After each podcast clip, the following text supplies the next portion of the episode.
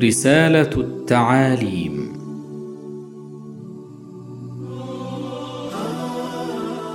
بسم الله الرحمن الرحيم. الحمد لله والصلاة والسلام على إمام المتقين وقائد المجاهدين سيدنا محمد النبي الأمي وعلى آله وصحبه ومن تبع هداهم إلى يوم الدين. أما بعد. فهذه رسالتي إلى الإخوان المجاهدين من الإخوان المسلمين الذين آمنوا بسمو دعوتهم وقدسية فكرتهم وعزموا صادقين على أن يعيشوا بها أو يموتوا في سبيلها. إلى هؤلاء الإخوان فقط أوجه هذه الكلمات. وهي ليست دروسا تحفظ ولكنها تعليمات تنفذ.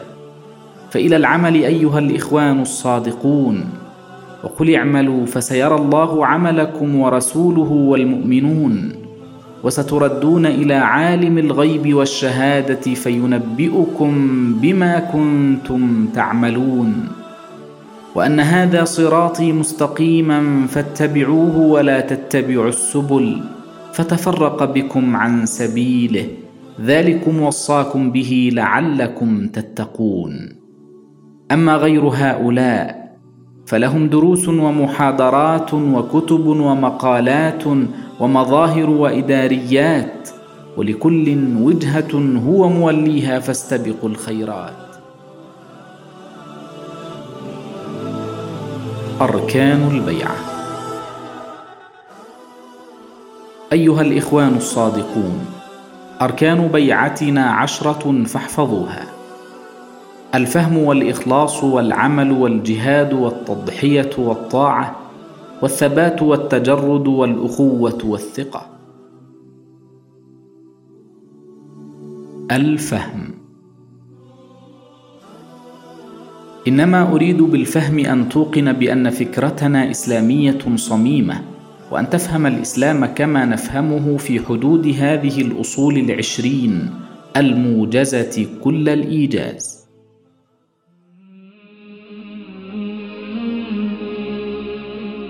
الإسلام نظام شامل يتناول مظاهر الحياة جميعا فهو دولة ووطن أو حكومة وأمة وهو خلق وقوة أو رحمة وعدالة وهو ثقافة وقانون أو علم وقضاء وهو مادة وثروة أو كسب وغنى وهو جهاد ودعوة أو جيش وفكرة كما هو عقيدة صادقة وعبادة صحيحة سواء بسواء.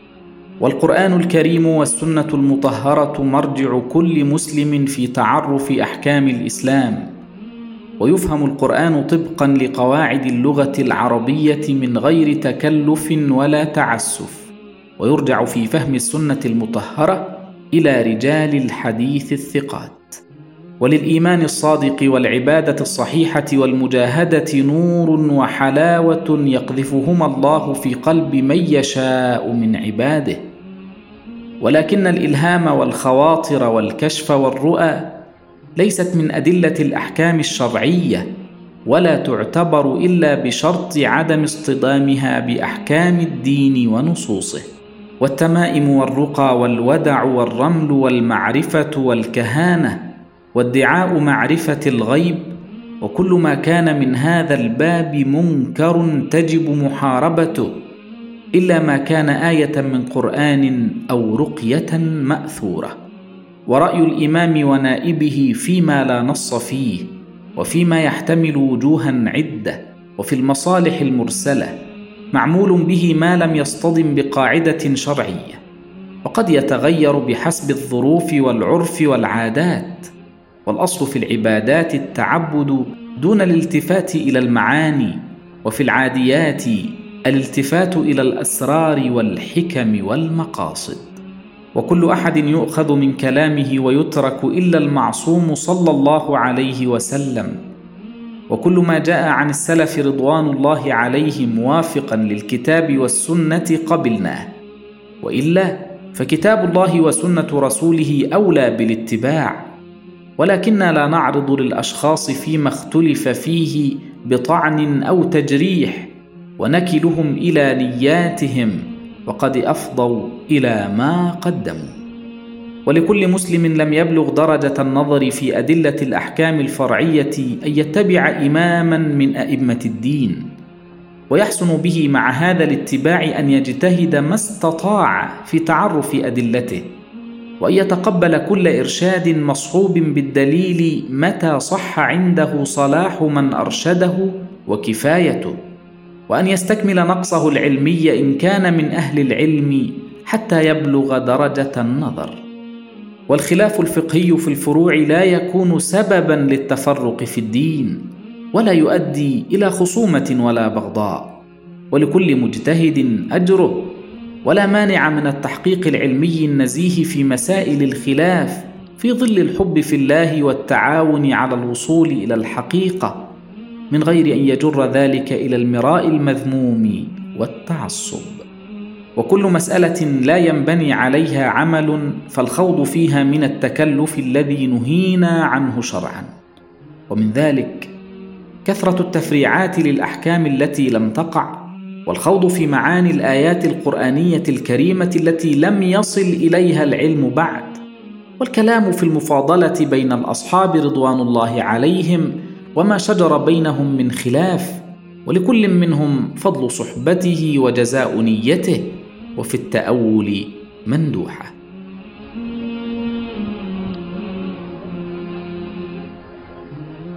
ومعرفة الله تبارك وتعالى وتوحيده وتنزيهه أسمى عقائد الإسلام. وآيات الصفات وأحاديثها الصحيحة وما يليق بذلك من التشابه نؤمن بها كما جاءت من غير تأويل ولا تعطيل. ولا نتعرض لما جاء فيها من خلاف بين العلماء ويسعنا ما وسع رسول الله صلى الله عليه وسلم وأصحابه والراسخون في العلم يقولون آمنا به كل من عند ربنا. وكل بدعة في دين الله لا أصل لها. استحسنها الناس بأهوائهم سواء بالزيادة فيه أو بالنقص منه ضلالة تجب محاربتها والقضاء عليها بأفضل الوسائل التي لا تؤدي إلى ما هو شر منها.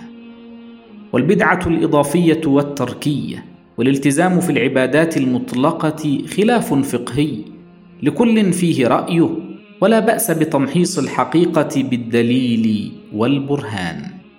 ومحبة الصالحين واحترامهم والثناء عليهم بما عرف من طيب أعمالهم قربة إلى الله تبارك وتعالى. والأولياء هم المذكورون بقوله تعالى الذين آمنوا وكانوا يتقون.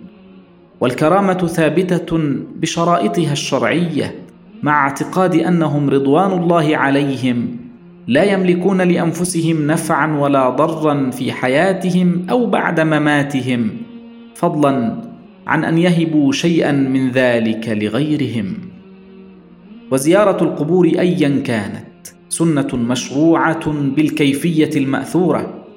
ولكن الاستعانة بالمقبورين ايا كانوا ونداءهم لذلك وطلب قضاء الحاجات منهم عن قرب أو بعد والنذر لهم وتشييد القبور وسترها وإضاءتها والتمسح بها والحلف بغير الله وما يلحق بذلك من المبتدعات كبائر تجب محاربتها ولا نتأول لهذه الأعمال سدا للذريعة. والدعاء إذا قرن بالتوسل إلى الله تعالى بأحد من خلقه خلاف فرعي في كيفية الدعاء وليس من مسائل العقيدة. والعرف الخاطئ لا يغير حقائق الألفاظ الشرعية بل يجب التأكد من حدود المعاني المقصود بها والوقوف عندها كما يجب الاحتراز من الخداع اللفظي في كل نواحي الدنيا والدين. فالعبرة بالمسميات لا بالأسماء. والعقيدة أساس العمل وعمل القلب أهم من عمل الجارحة وتحصيل الكمال في كليهما مطلوب شرعا وإن اختلفت مرتبة الطلب. والإسلام يحرر العقل ويحث على النظر في الكون ويرفع قدر العلم والعلماء ويرحب بالصالح والنافع من كل شيء والحكمة ضالة المؤمن أنا وجدها فهو أحق الناس بها. وقد يتناول كل من النظر الشرعي والنظر العقلي ما لا يدخل في دائرة الآخر ولكنهما لن يختلفا في القطعي فلن تصطدم حقيقة علمية صحيحة بقاعدة شرعية ثابتة. ويؤول الظني منهما ليتفق مع القطعي فإن كانا ظنيين فالنظر الشرعي أولى بالاتباع حتى يثبت العقلي أو ينهار. ولا نكفر مسلما أقر بالشهادتين وعمل بمقتضاهما وأدى الفرائض برأي أو بمعصية إلا إن أقر بكلمة الكفر أو أنكر معلوما من الدين بالضرورة أو كذب صريح القرآن أو فسره على وجه لا تحتمله أساليب اللغة العربية بحال أو عمل عملا لا يحتمل تاويلا غير الكفر.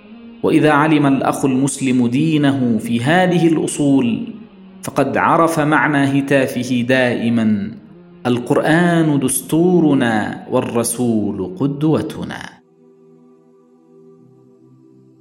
الإخلاص. وأريد بالإخلاص أن يقصد الأخ المسلم بقوله وعمله وجهاده كله وجه الله وابتغاء مرضاته وحسن مثوبته من غير نظر إلى مغنم أو مظهر أو جاه أو لقب أو تقدم أو تأخر. وبذلك يكون جندي فكرة وعقيدة لا جندي غرض ومنفعة. قل ان صلاتي ونسكي ومحياي ومماتي لله رب العالمين وبذلك يفهم الاخ المسلم معنى هتافه الدائم الله غايتنا والله اكبر ولله الحمد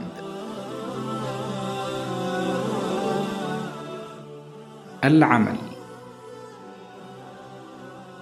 واريد بالعمل ثمره العلم والاخلاص قل اعملوا فسيرى الله عملكم ورسوله والمؤمنون وستردون إلى عالم الغيب والشهادة فينبئكم بما كنتم تعملون.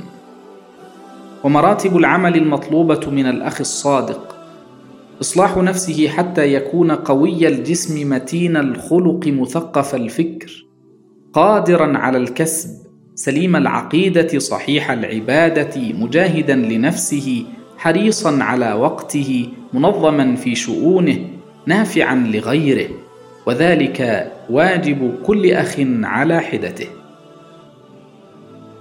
وتكوين بيت مسلم بأن يحمل أهله على احترام فكرته والمحافظة على آداب الإسلام في مظاهر الحياة المنزلية وحسن اختيار الزوجة وتوقيفها على حقها وواجبها وحسن تربية الأولاد والخدم.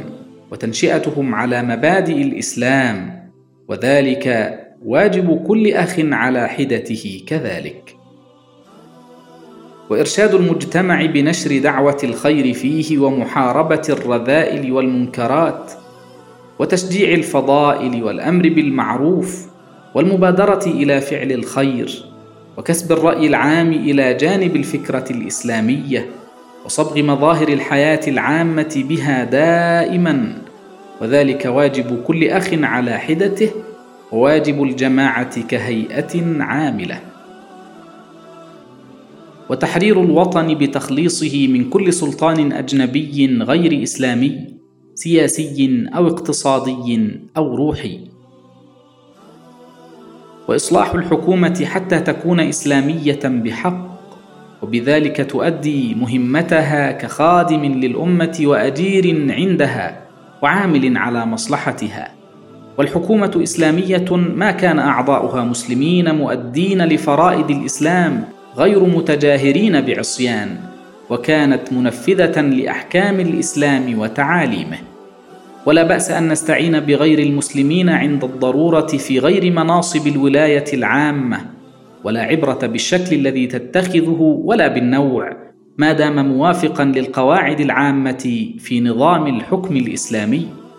ومن صفاتها الشعور بالتبعية والشفقة على الرعية والعدالة بين الناس والعفة عن المال العام والاقتصاد فيه. ومن واجباتها صيانة الأمن وإنفاذ القانون ونشر التعليم وإعداد القوة وحفظ الصحة ورعاية المنافع العامة وتنمية الثروة وحراسة المال وتقوى الأخلاق ونشر الدعوة. ومن حقها متى أدت واجبها الولاء والطاعة والمساعدة بالنفس والمال. فإذا قصرت فالنصح والإرشاد ثم الخلع والإبعاد. ولا طاعة لمخلوق في معصية الخالق. إعادة الكيان الدولي للأمة الإسلامية بتحرير أوطانها وإحياء مجدها وتقريب ثقافتها وجمع كلمتها حتى يؤدي ذلك كله إلى إعادة الخلافة المفقودة والوحدة المنشودة. وأستاذية العالم بنشر دعوة الإسلام في ربوعه وقاتلوهم حتى لا تكون فتنة ويكون الدين كله لله. ويأبى الله إلا أن يتم نوره ولو كره الكافرون. وهذه المراتب الأربعة الأخيرة. تجب على الجماعة متحدة وعلى كل أخ باعتباره عضوا في الجماعة. وما أثقلها تبعات وما أعظمها مهمات. يراها الناس خيالا. ويراها الأخ المسلم حقيقه.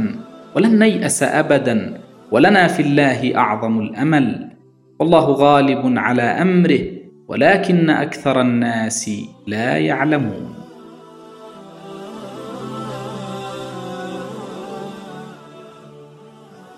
الجهاد. وأريد بالجهاد الفريضة الماضية إلى يوم القيامة والمقصود بقول رسول الله صلى الله عليه وسلم من مات ولم يغزو ولم ينوي الغزو مات ميتة جاهلية. وأول مراتبه إنكار القلب وأعلاها القتال في سبيل الله وبين ذلك جهاد اللسان والقلم واليد وكلمة الحق عند السلطان الجائر. ولا تحيا دعوة إلا بالجهاد وبقدر سمو الدعوة وسعة أفقها تكون عظمة الجهاد في سبيلها وضخامة الثمن الذي يطلب لتأييدها وجزالة الثواب للعاملين. وجاهدوا في الله حق جهاده. وبذلك تعرف معنى هتافك الدائم الجهاد سبيلنا.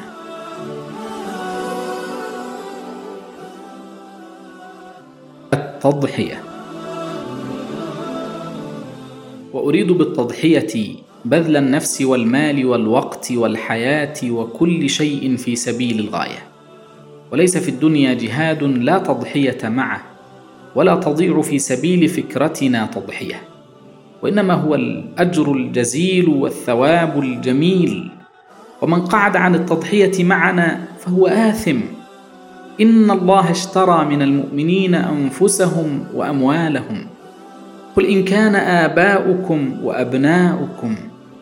ذلك بأنهم لا يصيبهم ظمأ ولا نصب.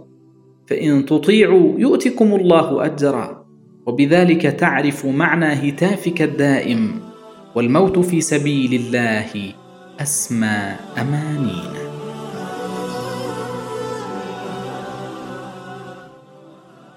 الطاعة. وأريد بالطاعة امتثال الأمر وانفاذه توا في العسر واليسر والمنشط والمكره. وذلك أن مراحل هذه الدعوة ثلاث. التعريف بنشر الفكرة العامة بين الناس ونظام الدعوة في هذه المرحلة نظام الجمعيات الإدارية. ومهمتها العمل للخير العام ووسيلتها الوعظ والإرشاد تارة. وإقامة المنشآت النافعة تارة أخرى إلى غير ذلك من الوسائل العملية.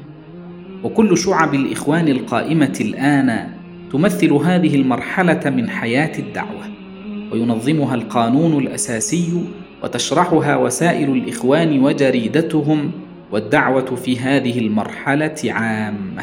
ويتصل بالجماعة فيها كل من أراد من الناس متى رغب المساهمة في أعمالها ووعد بالمحافظة على مبادئها وليست الطاعة التامة لازمة في هذه المرحلة بقدر ما يلزم فيها احترام النظم والمبادئ العامة للجماعة. التكوين استخلاص العناصر الصالحة لحمل أعباء الجهاد وضم بعضها إلى بعض. ونظام الدعوة في هذه المرحلة صوفي بحت من الناحية الروحية وعسكري بحت من الناحية العملية وشعار هاتين الناحيتين أمر وطاعة من غير تردد ولا مراجعة ولا شك ولا حرج. وتمثل الكتائب الإخوانية هذه المرحلة من حياة الدعوة وتنظمها رسالة المنهج سابقا وهذه الرسالة الآن.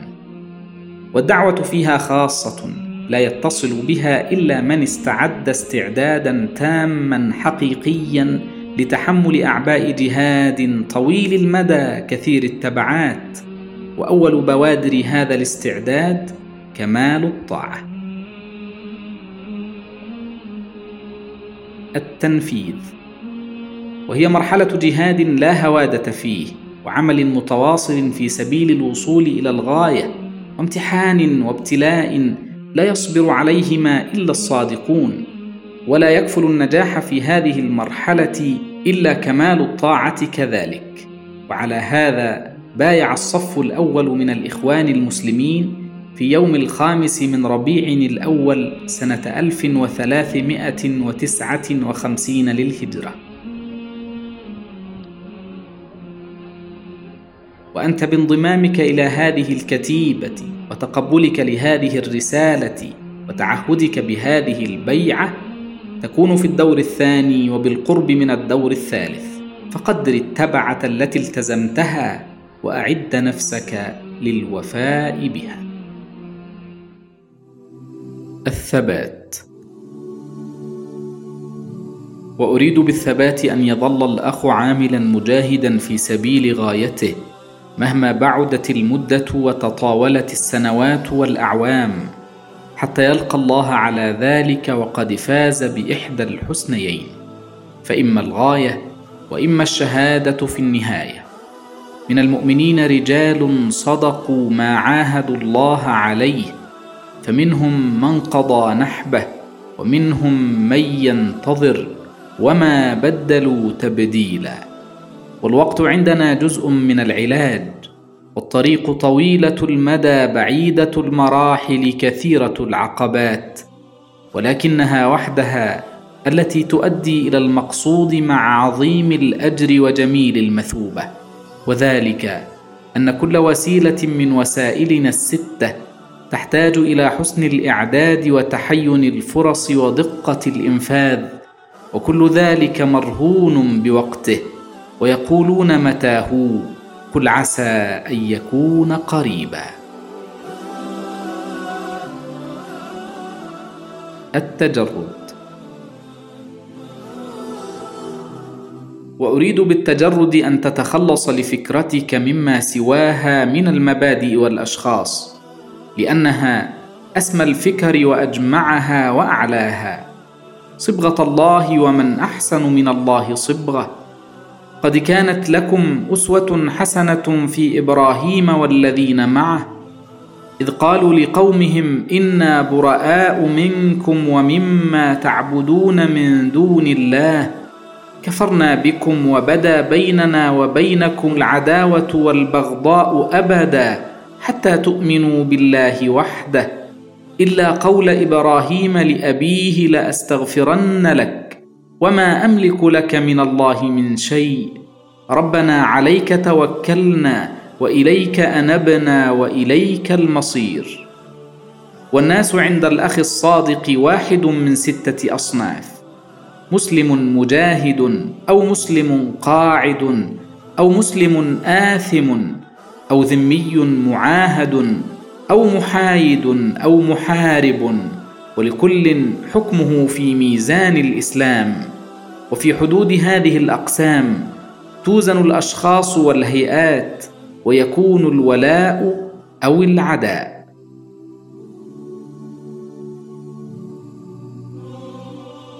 الأخوة. وأريد بالأخوة أن ترتبط القلوب والأرواح برباط العقيدة.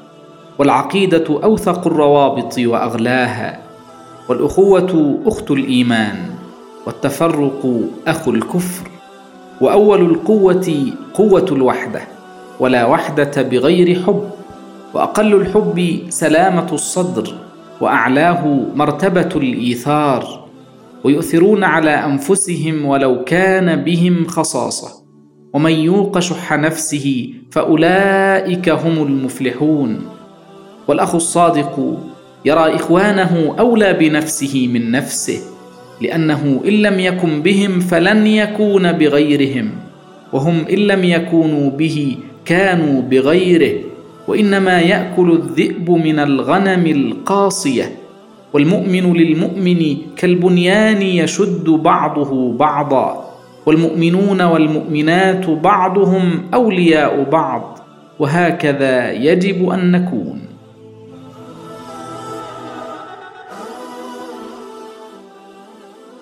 الثقة. وأريد بالثقة اطمئنان الجندي إلى القائد في كفاءته وإخلاصه اطمئنانا عميقا ينتج الحب والتقدير والاحترام والطاعة. فلا وربك لا يؤمنون حتى يحكموك فيما شجر بينهم ثم لا يجدوا في أنفسهم حرجا مما قضيت ويسلموا تسليما. والقائد جزء من الدعوة ولا دعوة بغير قيادة وعلى قدر الثقة المتبادلة بين القائد والجنود تكون قوة نظام الجماعة وإحكام خططها ونجاحها في الوصول إلى غايتها وتغلبها على ما يعترضها من عقبات فأولى لهم طاعة وقول معروف. وللقيادة في دعوة الإخوان حق الوالد بالرابطة القلبية والأستاذ بالإفادة العلمية والشيخ بالتربية الروحية والقائد بحكم السياسة العامة للدعوة ودعوتنا تجمع هذه المعاني جميعا. والثقة بالقيادة هي كل شيء في نجاح الدعوات. ولهذا يجب أن يسأل الأخ الصادق نفسه هذه الأسئلة ليتعرف على مدى ثقته بقيادته. هل تعرف إلى قائده من قبل ودرس ظروف حياته؟ هل اطمأن إلى كفايته وإخلاصه؟ هل هو مستعد لاعتبار الأوامر التي تصدر إليه من القيادة بغير معصية طبعا قاطعا؟ لا مجال فيها للجدل ولا للتردد ولا للانتقاص ولا للتحوير. مع إبداء النصيحة والتنبيه إلى الصواب هل هو مستعد لأن يفترض في نفسه الخطأ وفي القيادة الصواب إذا تعارض ما أمر به مع ما تعلم في المسائل الاجتهادية التي لم يرد فيها نص شرعي؟ هل هو مستعد لوضع ظروفه الحيوية تحت تصرف الدعوة؟ وهل تملك القيادة في نظره حق الترجيح بين مصلحته الخاصة ومصلحة الدعوة العامة؟ بالإجابة على هذه الأمثلة وأشباهها يستطيع الأخ الصادق أن يطمئن على مدى صلته بالقائد وثقته به والقلوب بيد الله يصرفها كيف يشاء. وألف بين قلوبهم لو أنفقت ما في الأرض جميعا ما ألفت بين قلوبهم ولكن الله ألف بينهم إنه عزيز حكيم.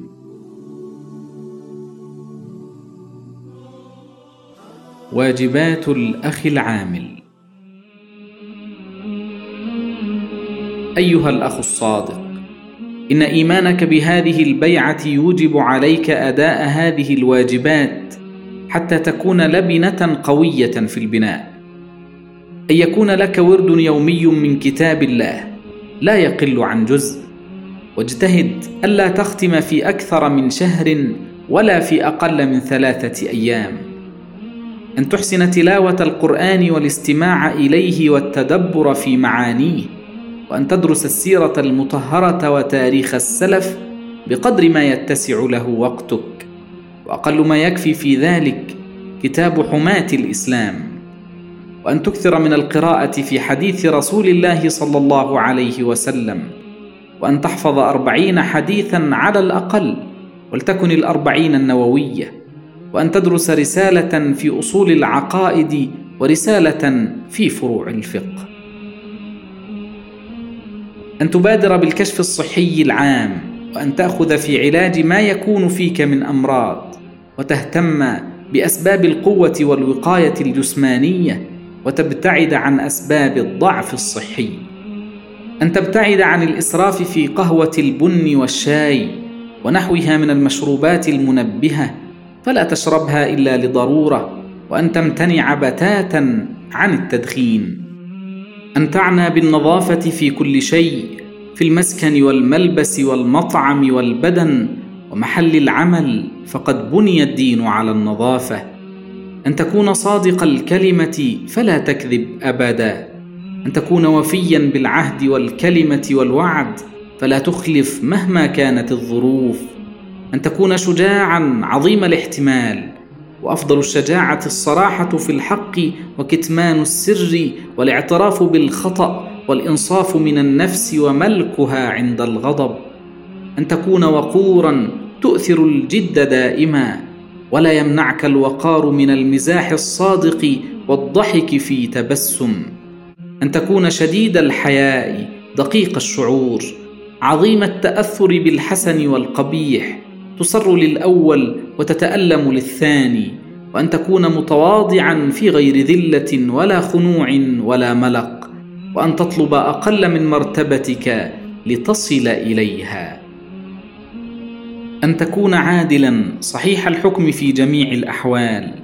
لا ينسيك الغضب الحسنات ولا تغضي عين الرضا عن السيئات. ولا تحملك الخصومة على نسيان الجميل وتقول الحق ولو كان على نفسك أو على أقرب الناس إليك وإن كان مرا أن تكون عظيم النشاط مدربا على الخدمات العامة تشعر بالسعادة والسرور. إذا استطعت أن تقدم خدمة لغيرك من الناس فتعود المريض تساعد المحتاج وتحمل الضعيف وتواسي المنكوب ولو بالكلمة الطيبة وتبادر دائما إلى الخيرات. أن تكون رحيم القلب كريما سمحا تعفو وتصفح وتلين وتحلم وترفق بالإنسان والحيوان. جميل المعاملة حسن السلوك مع الناس جميعا. محافظا على الآداب الإسلامية الاجتماعية. فترحم الصغير وتوقر الكبير وتفسح في المجلس. ولا تتجسس ولا تغتاب ولا تصخب. وتستأذن في الدخول والانصراف. أن تجيد القراءة والكتابة وأن تكثر من المطالعة في رسائل الإخوان وجرائدهم ومجلاتهم ونحوها وأن تكون لنفسك مكتبة خاصة مهما كانت صغيرة وأن تتبحر في علمك وفنك إن كنت من أهل الاختصاص وأن تلم بالشؤون الإسلامية العامة الماما يمكنك من تصورها والحكم عليها حكما يتفق مع مقتضيات الفكرة. أن تزاول عملا اقتصاديا مهما كنت غنيا وأن تقدم العمل الحر مهما كان ضئيلا وأن تزج بنفسك فيه مهما كانت مواهبك العملية.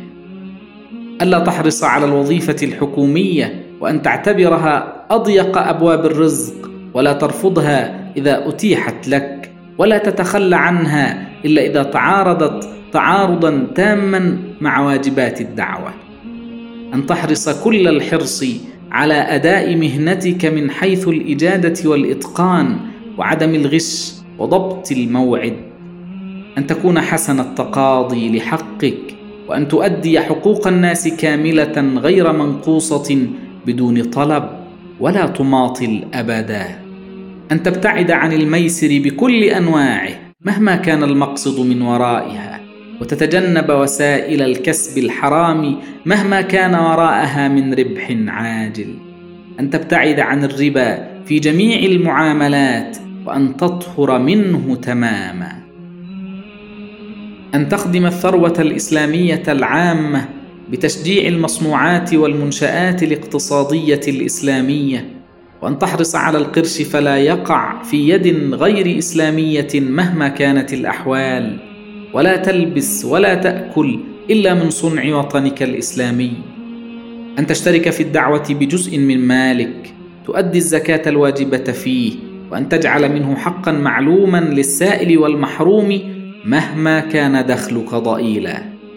أن تدخر للطوارئ جزءا من دخلك مهما قل وألا تتورط في الكماليات ابدا. أن تعمل ما استطعت على إحياء العادات الإسلامية وإماتة العادات الأعجمية في كل مظاهر الحياة. ومن ذلك التحية واللغة والتاريخ والزي والأثاث ومواعيد العمل والراحة والطعام والشراب والقدوم والانصراف والحزن والسرور وأن تتحرى السنة المطهرة في ذلك. أن تقاطع المحاكم الأهلية وكل قضاء غير إسلامي والأندية والصحف والجماعات والمدارس والهيئات التي تناهض فكرتك الإسلامية مقاطعة تامة. أن تديم مراقبة الله تبارك وتعالى وتذكر الآخرة وتستعد لها وتقطع مراحل السلوك إلى رضوان الله بهمة وعزيمة وتتقرب إليه سبحانه بنوافل العبادة ومن ذلك صلاة الليل. وصيام ثلاثة أيام من كل شهر على الأقل والإكثار من الذكر القلبي واللساني وتحري الدعاء في المذكور في كل الأحوال. أن تحسن الطهارة وأن تظل على وضوء غالب الأحيان. أن تحسن الصلاة وتواظب على أدائها في أوقاتها وتحرص على الجماعة والمسجد ما أمكن ذلك. أن تصوم رمضان وتحج البيت إن استطعت إليه سبيلا وتعمل على ذلك إن لم تكن مستطيعا الآن ذلك. أن تستصحب دائما نية الجهاد وحب الشهادة وأن تستعد لذلك ما وسعك الاستعداد. أن تجدد التوبة والاستغفار دائما وأن تتحرز من صغائر الآثام فضلا عن كبارها. وأن تجعل لنفسك ساعة قبل النوم تحاسبها فيها على ما عملت من خير أو شر. وأن تحرص على الوقت فهو الحياة. فلا تصرف جزءا منه من غير فائدة. وأن تتورع عن الشبهات حتى لا تقع في الحرام. أن تجاهد نفسك جهادا عنيفا حتى يسلس قيادها لك. وأن تغض طرفك وتضبط عاطفتك وتقاوم نوازع الغريزة في نفسك وتسمو بها دائما إلى الحلال الطيب وتحول بينها وبين الحرام من ذلك ايا كان. أن تتجنب الخمر والمسكر والمفتر وكل ما هو من هذا القبيل كل الاجتناب. أن تبتعد عن أقران السوء وأصدقاء الفساد وأماكن المعصية والإثم. أن تحارب أماكن اللهو فضلا عن أن تقربها وأن تبتعد عن مظاهر الترف والرخاوة جميعا. أن تعرف أعضاء كتيبتك فردا فردا معرفة تامة وتعرفهم بنفسك معرفة تامة كذلك وتؤدي حقوق أخوتهم كاملة من الحب والتقدير والمساعدة والإيثار. وأن تحضر اجتماعاتهم فلا تتخلف عنها إلا بعذر قاهر وتؤثرهم بمعاملتك دائما. أن تتخلى عن صلتك بأية هيئة أو جماعة لا يكون الاتصال بها في مصلحة فكرتك وخاصة إذا أمرت بذلك. أن تعمل على نشر دعوتك في كل مكان وأن تحيط القيادة علما بكل ظروفك ولا تقدم على عمل يؤثر فيها جوهريا إلا بإذن. وأن تكون دائم الاتصال الروحي والعملي بها وأن تعتبر نفسك دائما جنديا في الثكنة تنتظر الأوامر. أيها الأخ الصادق هذا مجمل لدعوتك وبيان موجز لفكرتك وتستطيع أن تجمع هذه المبادئ في خمس كلمات. الله غايتنا والرسول قدوتنا والقرآن شرعتنا والجهاد سبيلنا والشهادة أمنيتنا. وأن تجمع مظاهرها في خمس كلمات أخرى. البساطة والتلاوة والصلاة والجندية والخلق. فخذ نفسك بشدة بهذه التعاليم. وإلا ففي صفوف القاعدين متسع للكسالى والعابثين. وأعتقد أنك إن عملت بها وجعلتها أمل حياتك وغاية غايتك. كان جزاؤك العزة في الدنيا والخير والرضوان في الآخرة وأنت منا ونحن منك. وإن انصرفت عنها وقعدت عن العمل لها فلا صلة بيننا وبينك. وإن تصدرت فينا المجالس وحملت أفخم الألقاب وظهرت بيننا بأكبر المظاهر وسيحاسبك الله على قعودك أشد الحساب. فاختر لنفسك ونسأل الله لنا ولك الهداية والتوفيق. يا أيها الذين آمنوا هل أدلكم على تجارة تنجيكم من عذاب أليم؟ تؤمنون بالله ورسوله وتجاهدون في سبيل الله بأموالكم وأنفسكم. ذلكم خير لكم إن كنتم تعلمون.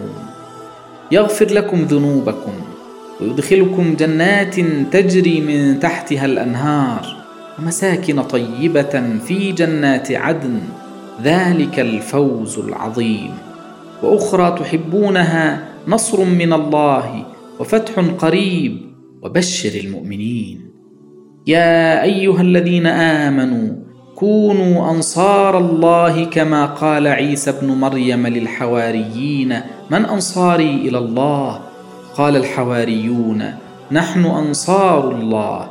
فامنت طائفه من بني إسرائيل وكفرت طائفه فأيدنا الذين آمنوا على عدوهم فأصبحوا ظاهرين.